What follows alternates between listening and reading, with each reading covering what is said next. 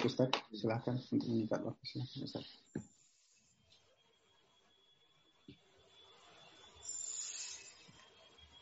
Ada background kelihatannya ya Ustaz ya di belakang. Cek. Ya. Ada suaranya, Pak? Ada, ada Pak. Ada, ada Ustaz. Keras atau pelan? Alhamdulillah ya. Baik. Suara Bapak keluarnya di speaker komputer ya, bukan? Oh gitu. Oh mungkin kurang masuk Pak itunya. Pak. Sudah pas ya. Tapi nggak jadi mas. Yang penting suara saya ada ya. Ada, ada Pak. Ada, ada Ustaz. Silahkan Ustaz, kami sudah buka tadi. Untuk...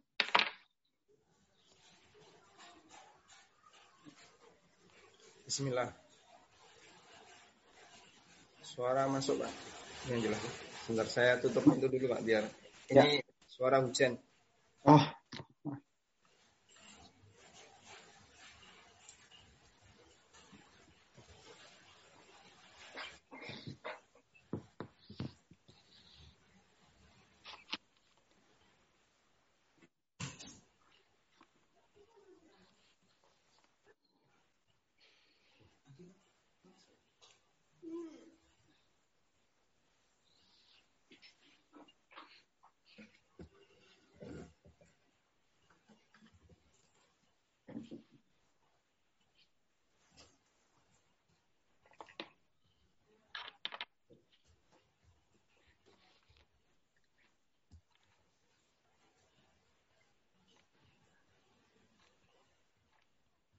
بسم الله.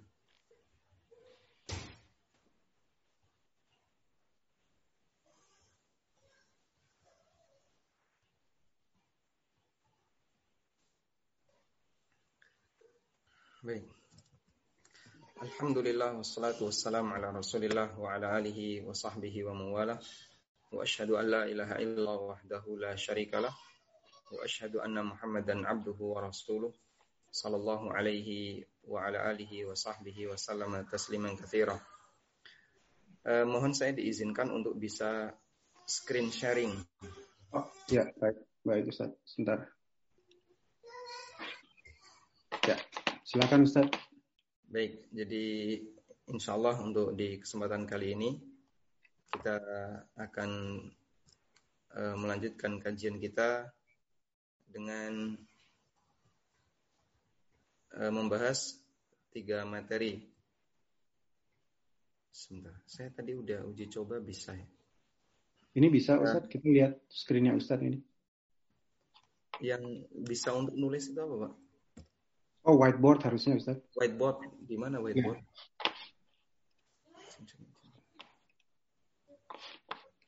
Eh, whiteboard ada di screennya Ustaz harusnya. Whiteboard tadi. Nah itu.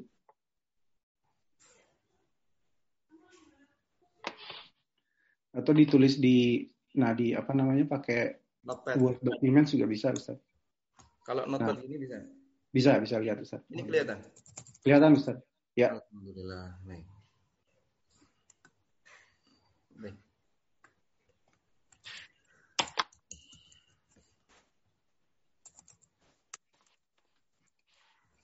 Kita akan belajar sebagaimana yang telah disampaikan dalam pengumuman ada tiga hal. Kalau tidak selesai di hari ini kita lanjutkan di kesempatan pekan berikutnya. Yang pertama adalah tentang eh, drop shipping. Kemudian yang kedua tentang eh, marketplace dan yang ketiga tentang uang digital. Semoga dimudahkan oleh Allah Subhanahu wa taala. Baik, kita awali yang pertama kita akan mengenal tentang dropshipping. Salah satu cara yang saya lakukan untuk bisa memahami kasus seperti ini sebagaimana tahapan yang kemarin kita sampaikan ya. Yang pertama adalah kita harus melakukan tahapan tasawur. Apa itu tasawur? Memahami kasus sesuai dengan realita yang ada. Sehingga di sini kita butuh input berupa data. informasi dari para jamaah atau orang-orang yang pernah praktek, itulah dari situ kita bisa melakukan tasawur. Kemudian yang kedua adalah melakukan takyif fikih, yaitu pendekatan fikih untuk memahami kasus sehingga kita bisa uh, mengarahkannya kepada penilaian dari sisi hukumnya. Kemudian jika takyif fikih di sini ada perbedaan pendapat, maka kita lakukan takhrij fikih. Kita lakukan takhrij fikih, yaitu uh, melakukan uji teori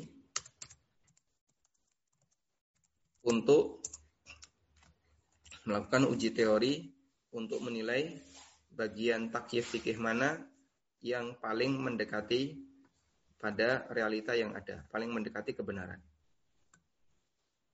Yang disebut dengan takhrij fikih. Untuk membuktikan uh, takyif fikih yang paling mendekati. Kemudian baru dilakukan takrir hukum. Takrir hukum berarti sudah kesimpulan akhir untuk menentukan seperti apa hukumnya dan bagaimana persyaratannya. Baik, dropshipping termasuk di antara kasus kontemporer. Sehingga untuk bisa mengetahui seperti apa dropshipping, kita perlu melakukan tahap yang pertama yaitu tahap tasawur. Kita perlu mengenal seperti apakah dropshipping.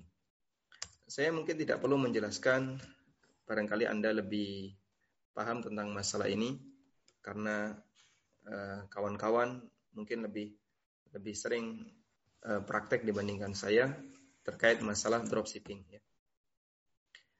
Jadi seperti yang kita tahu dalam dropshipping dalam dalam dropshipping ada tiga pihak ada tiga pihak yang terlibat. Yang pertama adalah dropshipper yang kedua supplier, dan yang ketiga adalah konsumen, customer. Skema yang terjadi, dropshipper memasang sebuah objek atau memasarkan sebuah objek dengan bentuk gambar di internet. Sementara objek itu tidak dia miliki. Objek itu tidak dia miliki. Dan itu ciri khas dropshipper.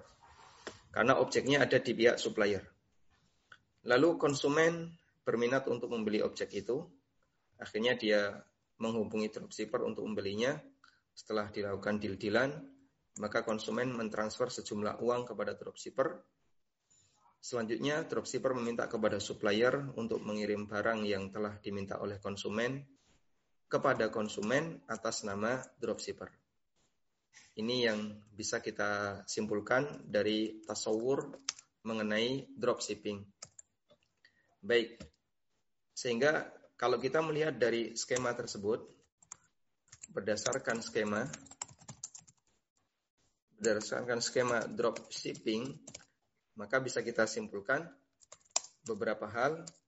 Yang pertama adalah dropshipper menjual barang sebelum dimiliki. Yang kedua, dropshipper telah menerima uang tunai dari konsumen. Kemudian yang ketiga, yang ketiga eh, barang dikirim oleh supplier atas nama dropshipper.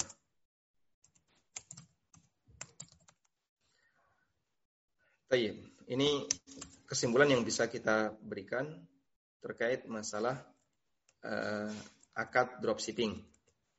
Skema akad dropshipping. Kalau kita perhatikan ada bagian yang kita catat di sini adalah dropshipper melakukan akad jual beli sebelum dimiliki dan dia telah menerima uang tunai dari konsumen sebelum memiliki barang. Yang ini menunjukkan bahwasanya dropshipper melakukan akad salam. Berdasarkan catatan nomor 1 dan 2, berdasarkan catatan nomor 1 dan 2, dropshipper melakukan akad salam.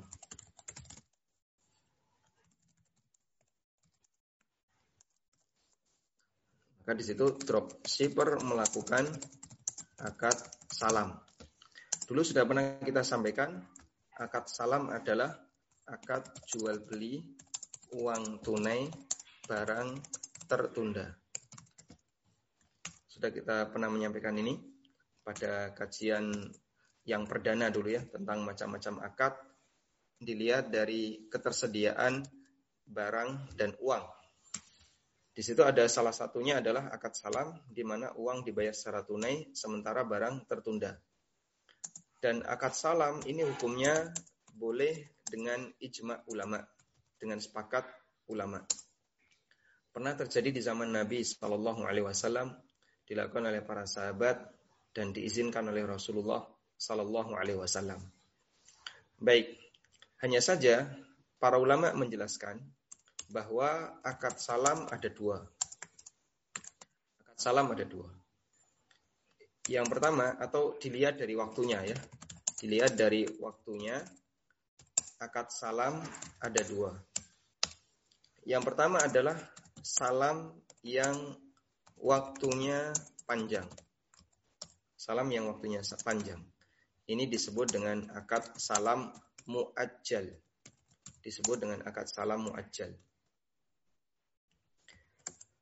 Tulisannya seperti ini akad salam muajjal.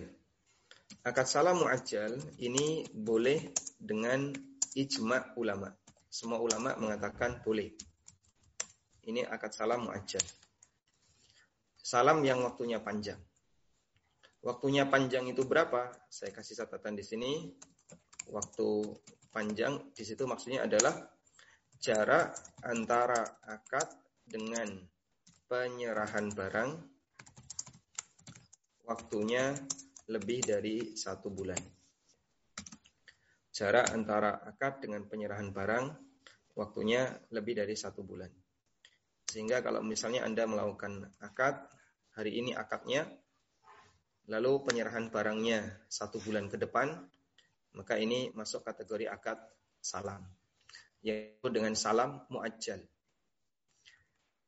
Kemudian jenis salam yang kedua dilihat dari waktunya berarti kebalikannya yaitu salam yang waktunya pendek. Salam yang waktunya pendek. Yang ini sering disebut dengan salam hal. Salam hal. Tulisan hal seperti ini.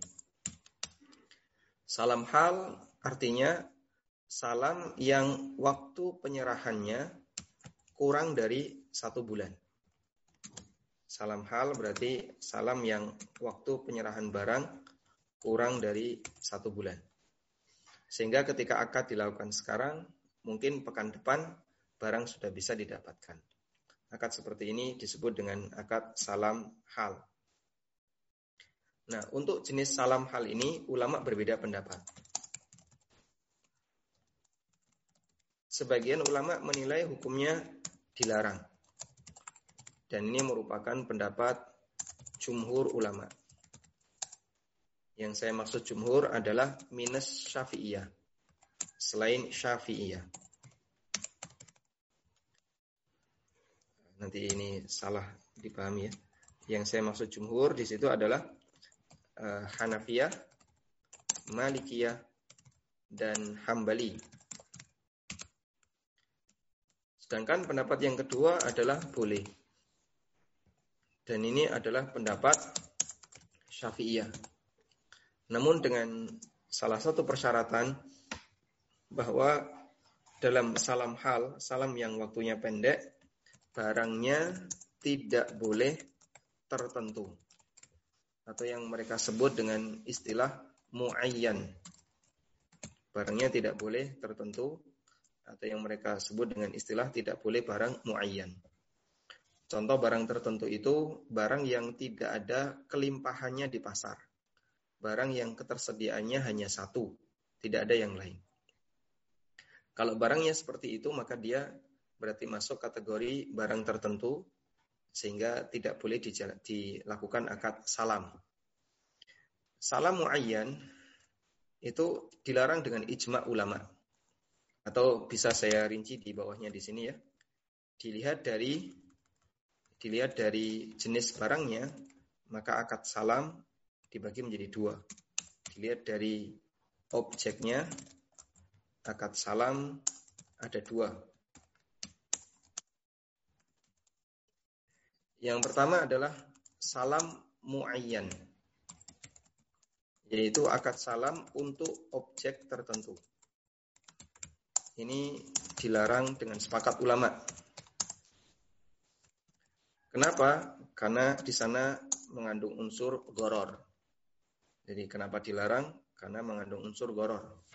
Sebagaimana dulu sudah pernah kita sampaikan bahwa ada tiga ya, ada tiga uh, alasan kenapa transaksi itu dilarang dalam agama kita.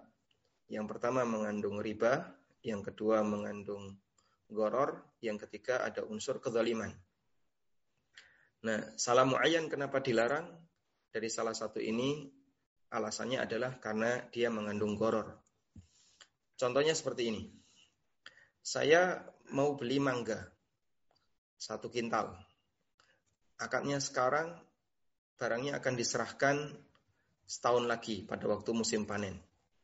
Hukumnya boleh. Tapi kalau saya kasih batasan, tapi saya maunya hanya mangga dari eh, kebunnya Pak Rudi kalau bukan dari kebunnya Pak Rudi, saya tidak mau.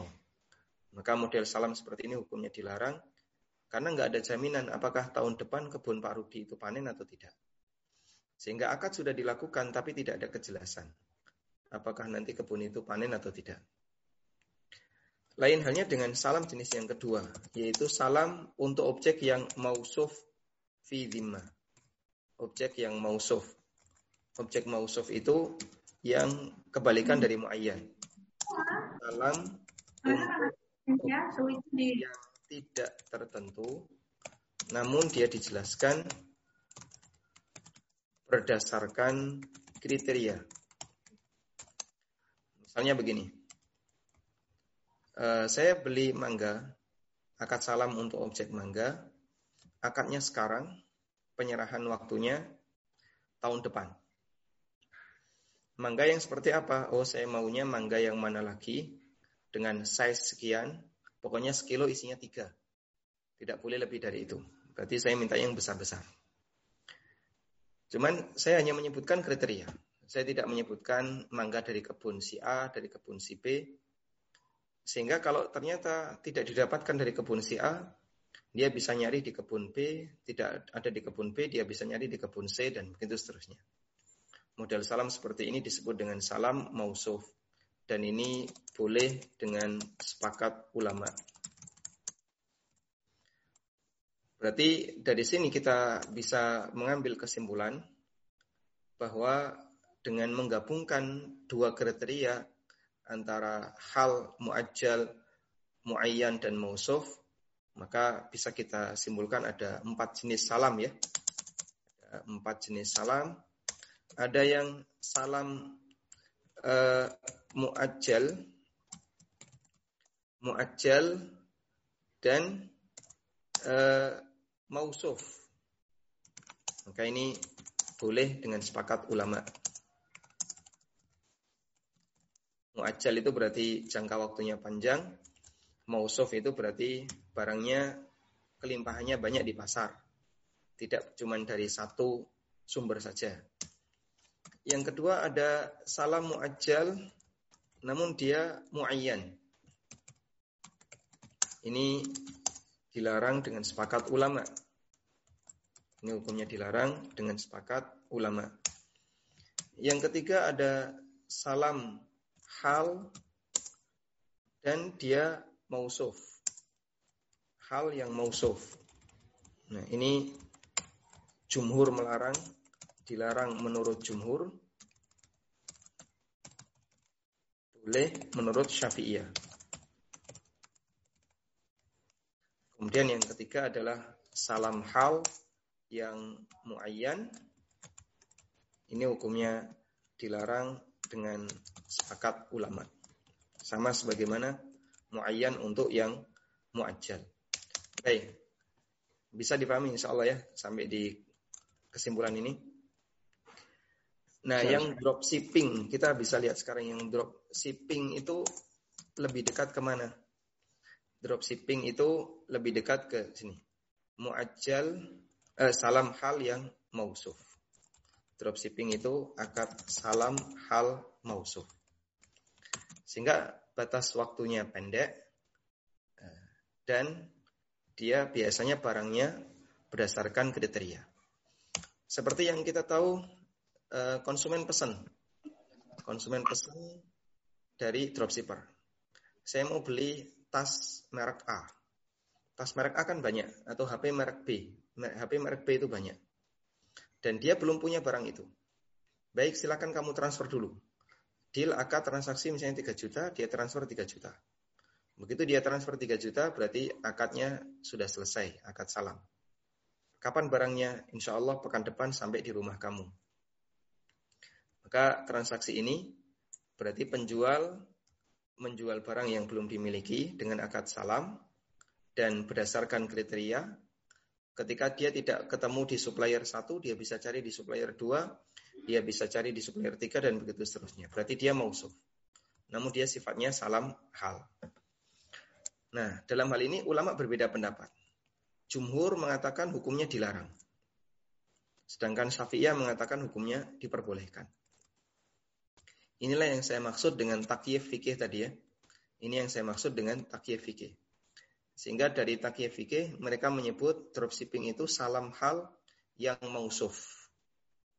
Meskipun ini eh, praktek transaksi yang baru di zaman kita, tapi para ulama dulu sudah pernah membahas masalah itu yang mereka sebut dengan salam hal yang mausuf dan itu dilarang oleh jumhur boleh menurut Syafi'iyah. Sekarang kita akan lihat alasan jumhur. Kenapa jumhur melarang? Salam hal. Karena ada sebuah hadis. Hadis itu diriwayatkan oleh sahabat Hakim bin Hizam di mana Nabi Shallallahu Alaihi Wasallam pernah bersabda kepada Hakim, la tabi ma laisa indak. Janganlah kamu menjual barang yang tidak kamu miliki. Coba kita lihat pernyataan hakim.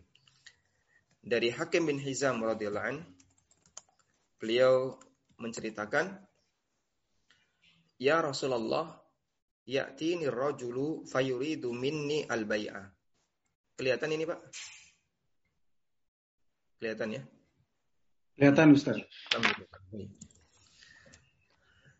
Ya'tini rajulu fayuridu minnil bay'a. Ya Rasulullah, ada orang yang datang kepadaku dan dia ingin membeli sesuatu laisa indi yang tidak aku miliki.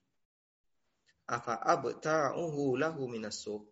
Bolehkah saya berikan, saya belikan barang itu ke pasar untuk orang ini? Jadi ceritanya begini. Hakim ini tinggal di Mekah dan beliau Eh, keponakannya Khadijah radhiyallahu anha. Dan beliau seorang pedagang. Anggaplah misalnya pedagang gandum.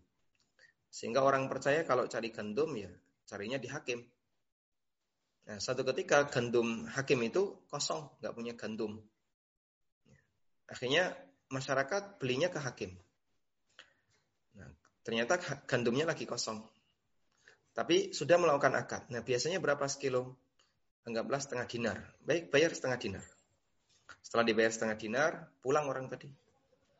Lalu hakim berangkat ke pasar, kemudian beli gandum itu.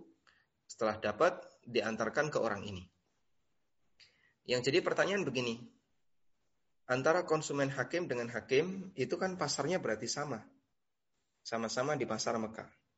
Kenapa konsumennya tidak beli langsung ke eh, pasar Kenapa harus beli lewat hakim?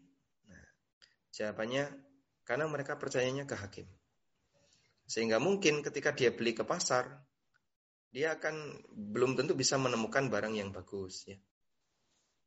Baik, yang jadi catatan dalam transaksi ini adalah hakim melakukan akad uang tunai tapi dia belum punya barang. Setelah itu dia belikan barang itu ke supplier, setelah dapat dikirim ke konsumen. Mendengar ini Nabi Shallallahu Alaihi Wasallam mengatakan, la tabi la ma laisa. Jangan kamu jual barang yang tidak kamu miliki. Berarti berdasarkan hadis ini, hadisnya diriwayatkan oleh Abu Dawud, Ibnu Majah, Tirmidzi dan yang lainnya. Dan status hadis ini adalah hadis yang sahih. Berdasarkan riwayat ini, maka bisa kita simpulkan bahwa hakim melakukan akad salam hal. Hakim melakukan akad salam hal di mana barangnya hakim eh, di mana objek belum dimiliki. Dan yang kedua, hakim menerima pembayaran secara tunai di depan sebelum dia memiliki barang. Yang ketiga, barang diantar ke konsumen dalam waktu ya mungkin hitungan hari atau kurang dari satu bulan. Intinya kurang dari satu bulan.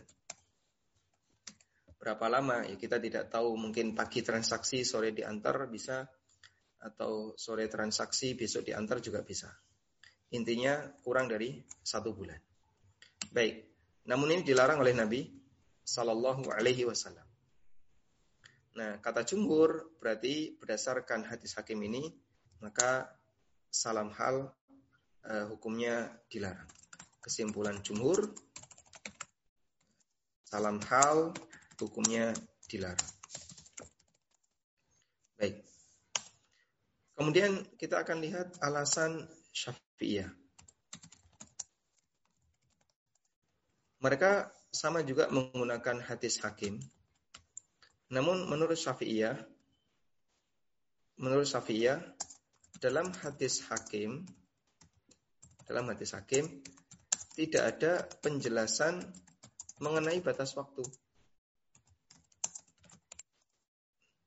Tidak ada penjelasan mengenai batas waktu. Dalam arti begini, Nabi Shallallahu Alaihi Wasallam melarang hakim itu sebabnya bukan karena masalah batas waktu. Sehingga kenapa kalian melarang salam hal yang batas waktunya pendek? Dan yang kedua, hukum akad salam itu boleh. Hukumnya boleh. Dan tidak ada keterangan batas waktu minimal. Tidak ada keterangan batas waktu minimal. Berdasarkan hadis dari Ibnu Abbas radhiyallahu anhu di mana beliau pernah mengatakan Eh, dalam sebuah riwayat eh, qadima Rasulullah sallallahu alaihi wasallam wa hum yuslifuna fit tamri. Nabi sallallahu alaihi wasallam tiba di kota Madinah. Kita bacakan di sini dari Ibnu Abbas radhiyallahu anhu Hadisnya riwayat Bukhari Muslim. Di bawah ada riwayat Bukhari dan Muslim ya. Hadis riwayat Bukhari dan Muslim. Nabi Shallallahu Alaihi kata Ibnu Abbas radhiyallahu anhu, Nabi Shallallahu Alaihi Wasallam tiba di kota Madinah, wahum yuslifuna fit tamri, sementara mereka melakukan akad salam untuk waktu satu tahun, dua tahun, hingga tiga tahun. Faqala Rasulullah SAW, kemudian Nabi SAW bersabda, siapa yang melakukan akad salam, untuk kurma, maka silahkan lakukan dengan takaran yang jelas, timbangan yang jelas, sampai batas waktu yang jelas. Di sini beliau mengatakan, dalam salam, batas waktunya harus jelas. Namun, tidak ada keterangan minimal. Yang penting pokoknya jelas. Jelas itu ketika membuat kesepakatan, nanti penyerahannya kapan? Apakah sekarang? Apakah eh, tahun depan, dua tahun lagi, tiga tahun lagi, atau kapan? Yang penting pokoknya jelas. Sehingga sebagaimana boleh tahun depan, boleh juga bulan depan, boleh juga pekan depan. Karena tidak ada keterangan mengenai minimal waktu. Ini alasan Syafi'iyah. Sehingga dalam hal ini menurut Syafi'iyah hadis hakim itu tidak bisa dijadikan sebagai alasan larangan salam hal. Kesimpulan Syafi'iyah ya.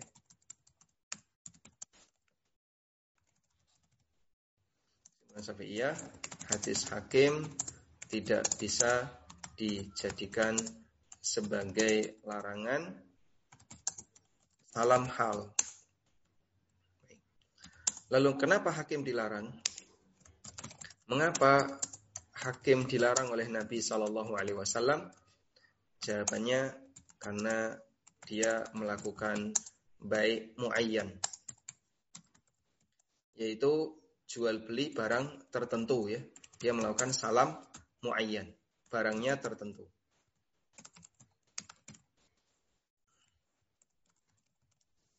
Ini menurut alasan Syafi'iyah. Baik, sehingga menurut Syafi'iyah eh, saya simpan nanti insya Allah kita share ya. Menurut Syafi'iyah kenapa ini dilarang? Alasannya adalah karena dia muayyan. Kesimpulannya di sini ada khilaf yang terjadi di antara para ulama dalam menilai jumhur, eh, dalam menilai hukum dropshipping, sehingga ada perbedaan para ulama dalam menilai hukum dropshipping. Kalau menurut jumhur hukumnya dilarang, tapi kalau menurut Syafi'iyah hukumnya diperbolehkan.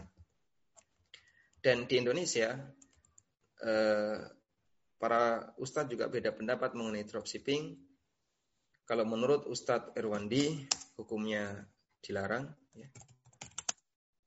Dan ini juga pendapat yang di, dipilih oleh Ustadz Irwandi, oleh Dr. Irwandi ya. Dan yang kedua adalah pendapat Syafi'iyah, hukumnya boleh dan ini dipilih oleh Ustadz Arifin Badri. Ada dua dokter di Indonesia yang berbeda pendapat dalam masalah ini. Wallahu taala alam. Baik. Kecuali dengan kita berikan catatan ya jika eh, akad salam itu berarti di sini jika drop shipper telah menjadi wakil bagi supplier hukumnya boleh. Sehingga kalau seperti ini maka akannya akad wakalah antara dropshipper dengan supplier harus ada akad mewakilkan. Mewakilkan itu berarti supplier memberikan izin kepada dropshipper untuk menjualkan barangnya atau atau supplier atau dropshipper minta izin kepada supplier untuk menjualkan barangnya. Bisa supplier memberikan izin atau kebalikannya dropshipper minta izin. Nah, kalau seperti itu berarti dia sudah menjadi wakil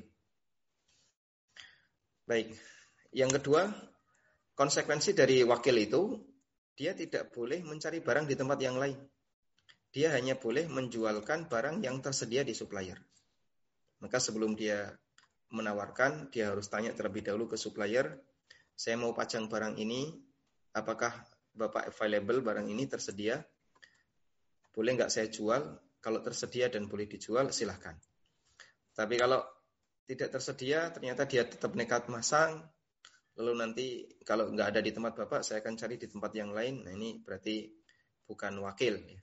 Berarti dia dropshipper yang jenis yang kedua, yaitu dropshipper liar.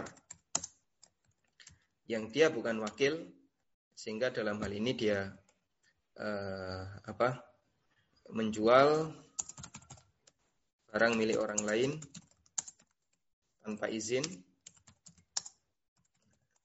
bagian ini ulama beda pendapat tadi ya. Karena apakah itu masuk salam yang boleh ataukah tidak. Wallahu taala alam. Baik. Cukup dipahami insya Allah? Cukup insya Allah. Baik, fokus di sini dulu. Bagian mana yang belum dipahami, kalau mau ditanyakan silahkan. Nah, Ustaz, ini ada ada ada pertanyaan dari dari peserta ini dua dua pertanyaan dari dua peserta tapi uh, pada intinya sama. Jadi saya memakai satu pertanyaan saja nih. Pembeli memakai jasa kurir. Pembeli minta talangin kurir. belanjaannya sebesar 50.000 dibayarkan dulu ke penjual.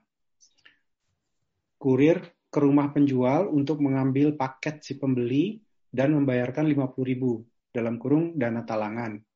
Sesampainya di rumah pembeli, pembeli bayar 50.000 dan 10.000 untuk jasa antar. Bolehkah dana talangan itu, Ustaz? Membayarkan dulu belanjaan pembeli ke penjual dana talangan. Jazakallah khairan, Ustaz. Uh, berarti yang nalangi penjual, nalangi kurir ya? Uh, iya, penjual. Jadi supplier mungkin, supplier nalangin dulu gitu. Insya Allah tidak masalah. Jadi uh, memang ada ini ya, ada uh, larangan menggabungkan utang dengan jual beli. Ada larangan ini, dan ini termasuk di antara salah satu celah riba. Nabi Shallallahu Alaihi Wasallam pernah mengatakan, la yahillu salafun wa Tidak halal utang digabung dengan jual beli. La yahillu salafun wa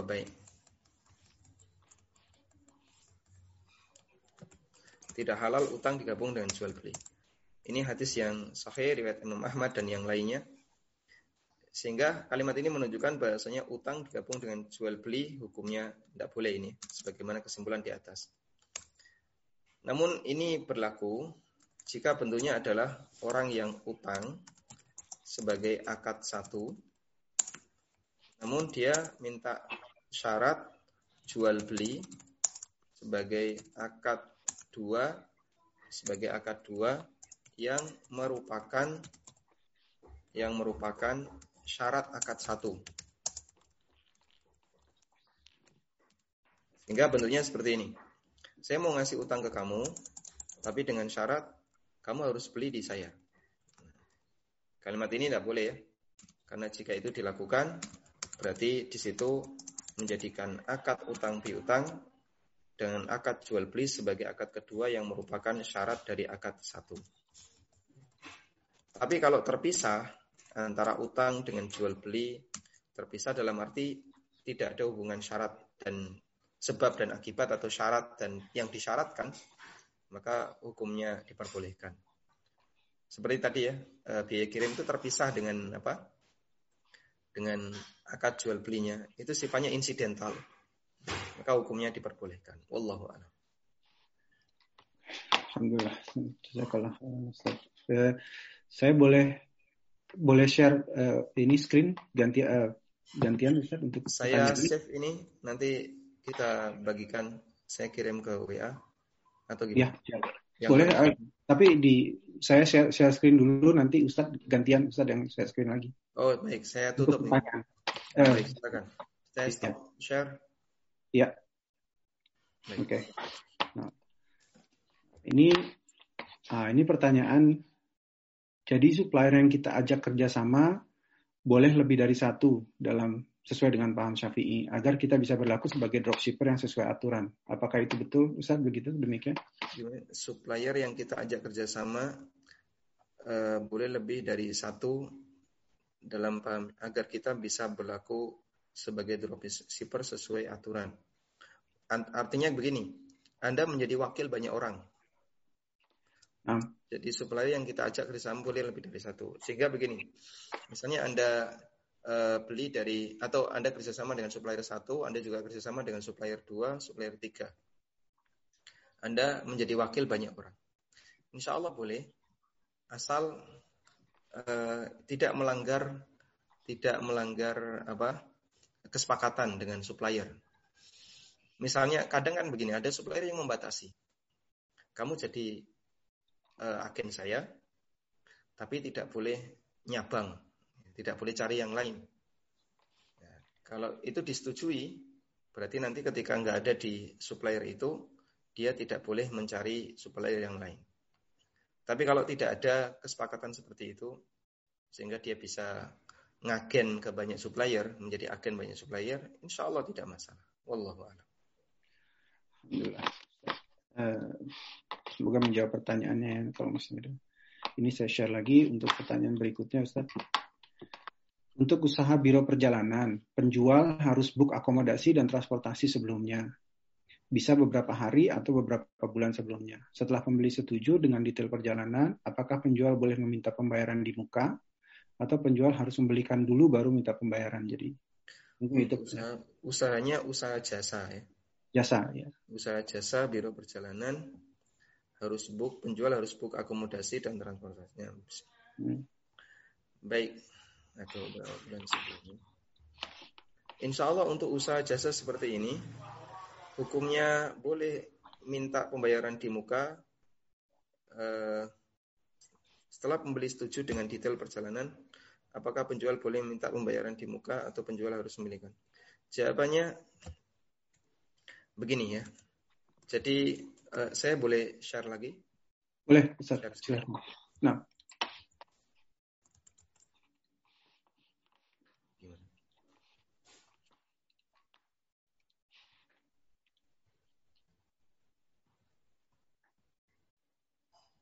Eh, kalau share screen total gimana?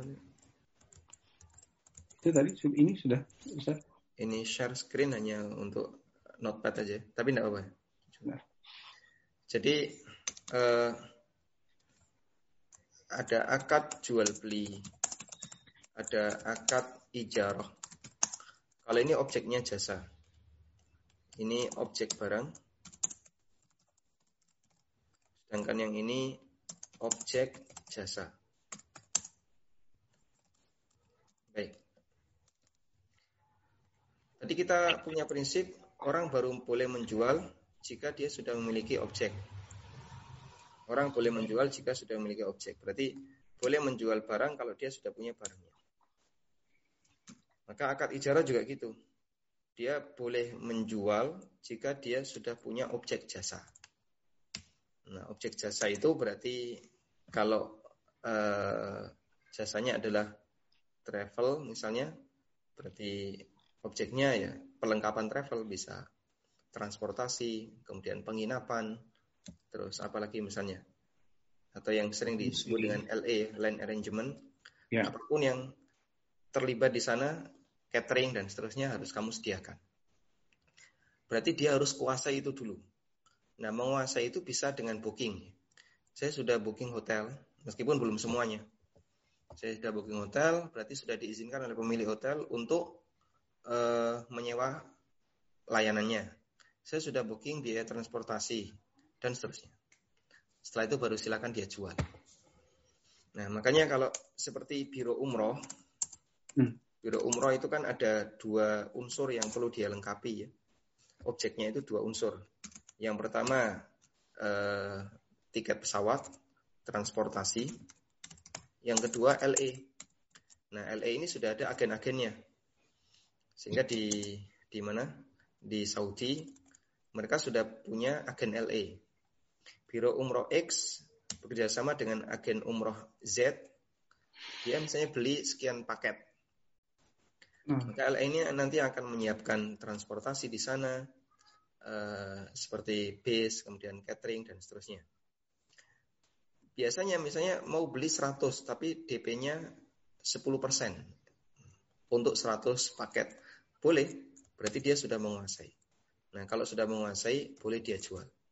Tapi kalau belum punya sama sekali, lalu sudah menjual, berarti sama dengan tadi, menjual objek yang belum dimiliki. Karena itulah seperti uh, kasus outsourcing. Outsourcing boleh dia menjual jasa selama jasa itu sudah dia miliki. Misalnya, saya menjual tenaga security. Berarti saya sudah menyediakan banyak tenaga security yang sedang nganggur kosong. Nah, saya punya 50 tenaga, yang 20 sudah bekerja, yang 30 masih nganggur. Saya gaji mereka tiap bulan, baik ada tugas atau tidak. Nah, itu berarti outsource. Saya baru boleh menjual jasa security jika memang saya sudah memiliki SDM di sana. Wallahu a'lam. Baik, insya Allah tidak masalah dengan catatan seperti ini. Alhamdulillah. Uh, gantian Ustaz, ini ada pertanyaan saya share screen buat dari saya.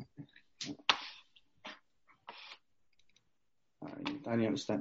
Nomor empat, bagaimana kalau posisi kita sebagai supplier yang tidak ada akad mewakilkan? Karena pada saat terima pesanan, tidak tahu bahwa pemesan adalah dropshipper. Pada saat pesanan diterima dan pembayaran telah diterima, ternyata barang, diminta, barang minta dikirim kepada orang lain. Sehingga baru tahu bahwa pemesan adalah dropshipper. Itu bagaimana Ustaz?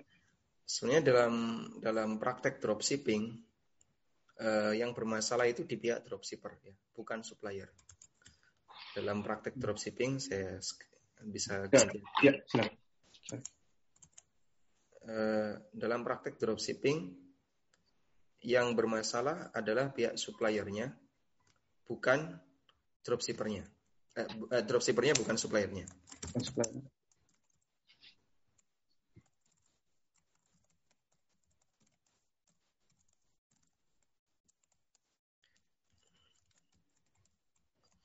Sehingga kalau posisi Anda sebagai dropshipper, eh, sebagai supplier, anda tidak bertanggung jawab tentang bagaimana cara orang itu membeli.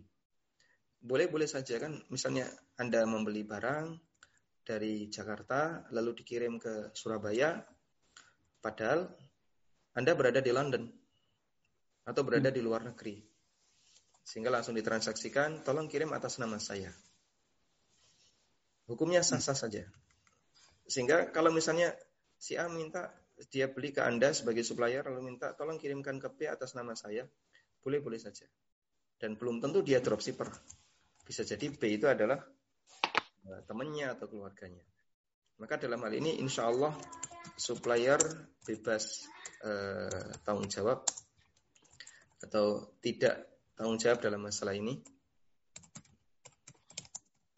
Sehingga kalaupun Anda memilih pendapat jumhur yang itu hukumnya dilarang, anda tidak menanggung kesalahan di sana. Karena Anda melakukan akad jual beli yang syar'i, menjual barang yang sudah Anda miliki dengan menerima pembayaran, kemudian barang Anda kirim sesuai instruksi pembeli. Karena dia yang lebih berhak untuk menentukan ke mana barang itu dikirim. Baik. Cukup insya Allah? Ya, cukup. Satu lagi Ustaz, bisa? Ya. Um, cukup menjawab ya. Cukup, cukup insya Allah. Pertanyaan berikutnya mau bertanya, kalau misalnya ini mirip dengan pertanyaan sebelumnya mungkin. Kalau misalnya saya menjual barang berupa APD kepada konsumen, namun konsumen itu minta drop langsung ke rumah sakit. Apakah hukumnya sama saja? Konsumen itu bukan menjual ke rumah sakit, namun donasi. Dan pembeliannya rutin dan selalu kita yang drop langsung ke rumah sakit. Syukur. Insya Allah boleh dan tidak ada masalah karena uh, masalah pengiriman seperti ini jadi ini kembali ke sini ya. Uh, kita share. Ya, siap. Jadi ini kembali kepada masalah kesepakatan ya. Uh, kesepakatan dalam akad. Kesepakatan dalam akad itu ada tiga macam. Ada kesepakatan yang melanggar melanggar syariat ada kesepakatan yang atau di sini saya sebut dilarang syariat, ada yang diperintahkan syariat dan ada yang didiamkan oleh syariat. Contoh yang dilarang syariat misalnya kesepakatan judi atau riba atau mengandung unsur goror. Ini kesepakatan yang jelas dilarang oleh syariat. Seperti dalam transaksi asuransi itu kesepakatan yang jelas dilarang oleh syariat. Kemudian contoh kesepakatan yang diperintahkan oleh syariat, misalnya eh, ada kesepakatan saling ridho atau terjadi perpindahan hak milik, terjadi pindah hak milik dan eh, atau serah terima ada serah terima, dan seterusnya. Ini kesepakatan yang diperintahkan oleh syariat. Ada kesepakatan yang didiamkan oleh syariat. Ini banyak sekali. Ya. Seperti tolong dibungkus, ya, diantar, pembayarannya kredit atau tunai. Ini kesepakatan yang didiamkan oleh syariat. Artinya dalam hal ini syariat tidak memberikan aturan yang baku. Anda mau yang pertama, yang kedua, yang ketiga terserah Sehingga kembali kepada kesepakatan semua pihak. Maka hukum asal untuk yang ketiga ini, hukum asalnya boleh. Nah, yang saya pahami seperti permintaan konsumen, tolong ini diantar ke A, ke B, ke C, hukumnya boleh. Bahkan sampai pun andekan dia adalah seorang dropshipper. Dia beli dari Anda, tapi dia nggak pernah menyebutkan identitasnya sebagai dropshipper. Lalu dia minta, tolong barang diantar ke tempat B atas nama saya. Hukumnya diperbolehkan. Wallahu a'lam. Alhamdulillah. Nah, jelas. Uh, ini ada satu lagi pertanyaan Ustaz. Saya share ya. Tanya Ustaz, saya sebagai driver lalu klien minta diantar ke tempat contoh kasino atau tempat-tempat lain yang tidak baik. Sementara saya sudah punya akad untuk antar ke mana pun klien meminta. Itu gimana Pak Ustaz? Iya, kesepakatan ini uh, melanggar aturan ya. Jadi ada unsur ta'awun alal ismi wal udwan. Karena itu ketika Anda sudah tahu minta diantar ke tempat yang terlarang, Anda harus menyampaikan, mohon maaf ini dilarang oleh agama saya. Karena ini ada tolong menolong dalam maksiat. Harus berani menolak. Karena itulah kalau misalnya paket driver ini adalah paket yang sifatnya atau driver yang borongan ya. Pokoknya kamu saya jadikan driver saya selama dua hari silahkan tapi kasih batas. Saya bersedia dengan ketentuan saya tidak mau ngantar ke tempat-tempat seperti ini. Anda sebutkan satu, dua, tiga. Sehingga kalau disepakati lanjutkan, kalau enggak eh, klien mau melanjutkan atau tidak terserah dia. Seperti yang kami sarankan kepada para eh, domestic helper ya teman-teman yang menjadi domestic helper yang ada di luar negeri, apalagi di negeri non-muslim, itu kan pasti mereka uh, harus melayani mereka apa pun yang diminta, melayani apa tuannya apa pun yang diminta. Maka kita sampaikan di depan kamu harus ngasih syarat. Pertama, saya diizinkan memakai jilbab ketika bertemu dengan meskipun dalam rumah ya, ketika bertemu dengan majikannya. Yang kedua, saya tidak mau melayani pembelian atau masak babi, homer dan seterusnya. Nah, dengan kesepakatan ini, maka dia di posisi aman. Dalam arti dia tidak menyepakati maksiat. Kalaupun ada paksaan, berarti itu murni sifatnya eh, kesalahan searah, sehingga ada apa misalnya eh, ada pelanggaran kesepakatan, Anda berusaha untuk menolak karena dan jika tetap dipaksa, nah ketika Anda melakukannya sifatnya karena terpaksa. Nah itu penting. Ada beberapa domestic helper yang dia nggak boleh sholat misalnya. Akhirnya sholatnya harus di dalam toilet. Kalau lama sholat nggak boleh, kalau di toilet lama boleh.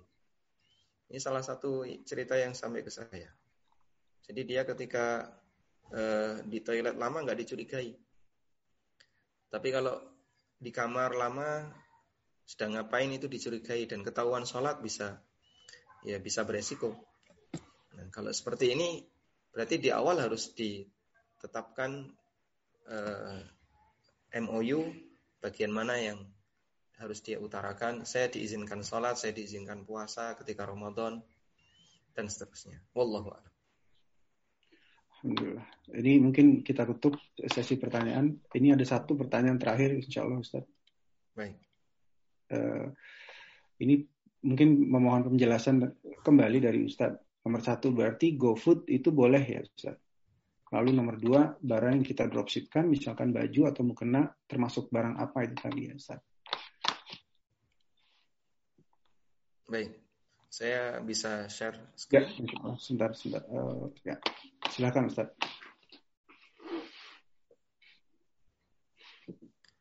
Yang pertama berarti uh, GoFood boleh. Saya nggak tahu apa hubungan pembahasan dropshipping dengan GoFood ya. Karena ini dua pembahasan yang berbeda. Berbeda. Jadi GoFood itu akad kita dengan dengan merchant, dengan warung ataukah dengan driver. Ya. Dalam akad GoFood itu kan ada empat pihak.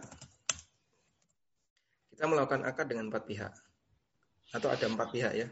Konsumen, warung, kemudian eh, apa? driver dan satu lagi pihak Gojek. Hmm. Tapi pihak Gojek dan pihak driver ini satu. Karena pihak Gojek hanya menyediakan aplikasi, pelaksananya driver. Sehingga posisi driver ini sebagai wakil Gojek, pelaksana ya. Mereka kita anggap sebagai satu perusahaan. Yang ini adalah pelaksananya atau karyawannya. Sebenarnya kita menghendaki untuk beli makanan dari warung. Cuman kita minta tolong Gojek yang membelikan dan ngantarkan. Maka di posisi ini yang terjadi adalah uh,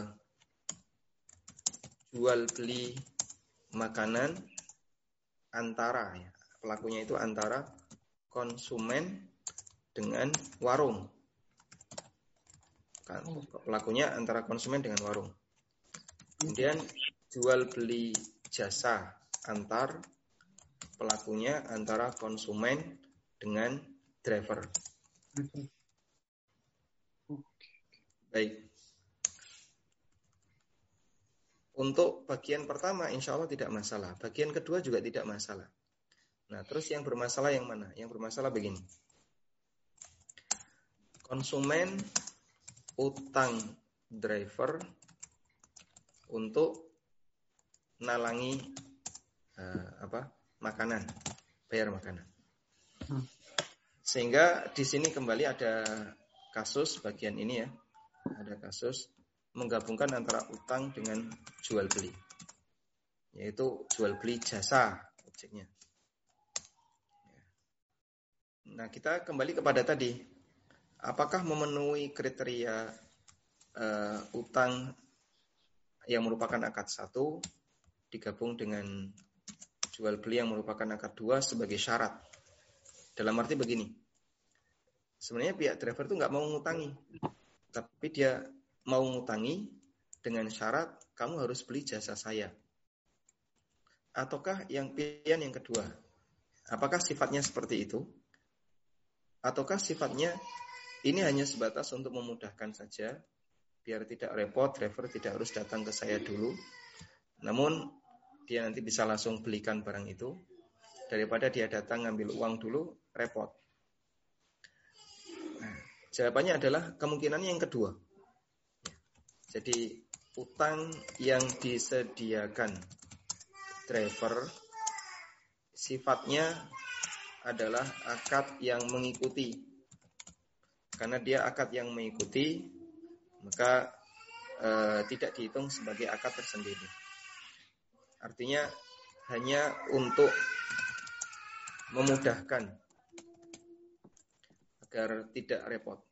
Sehingga insya Allah hukumnya tidak termasuk dalam kategori menggabungkan akad utang dengan jual beli. Karena itu secara pribadi, terlepas dari adanya perbedaan pendapat dalam masalah ini, menurut saya pribadi hukumnya boleh. ya Boleh melakukan akad GoFood. Kemudian yang kedua eh, terkait apa tadi, Pak? Eh, apa Ustaz? Tadi mengenai bar, di dropship mukena itu termasuk barang yang diperbolehkan atau tidak, Ustaz? Sebenarnya semua barang boleh untuk dropship asal dia. Jadi lihat skemanya, ya. bukan objeknya. Oh, Oke. Okay. Bukan objeknya. Maksud saya begini, dropship itu yang bermasalah di skema. Kalau objeknya mau objek apa pun yang penting dia barang halal silahkan.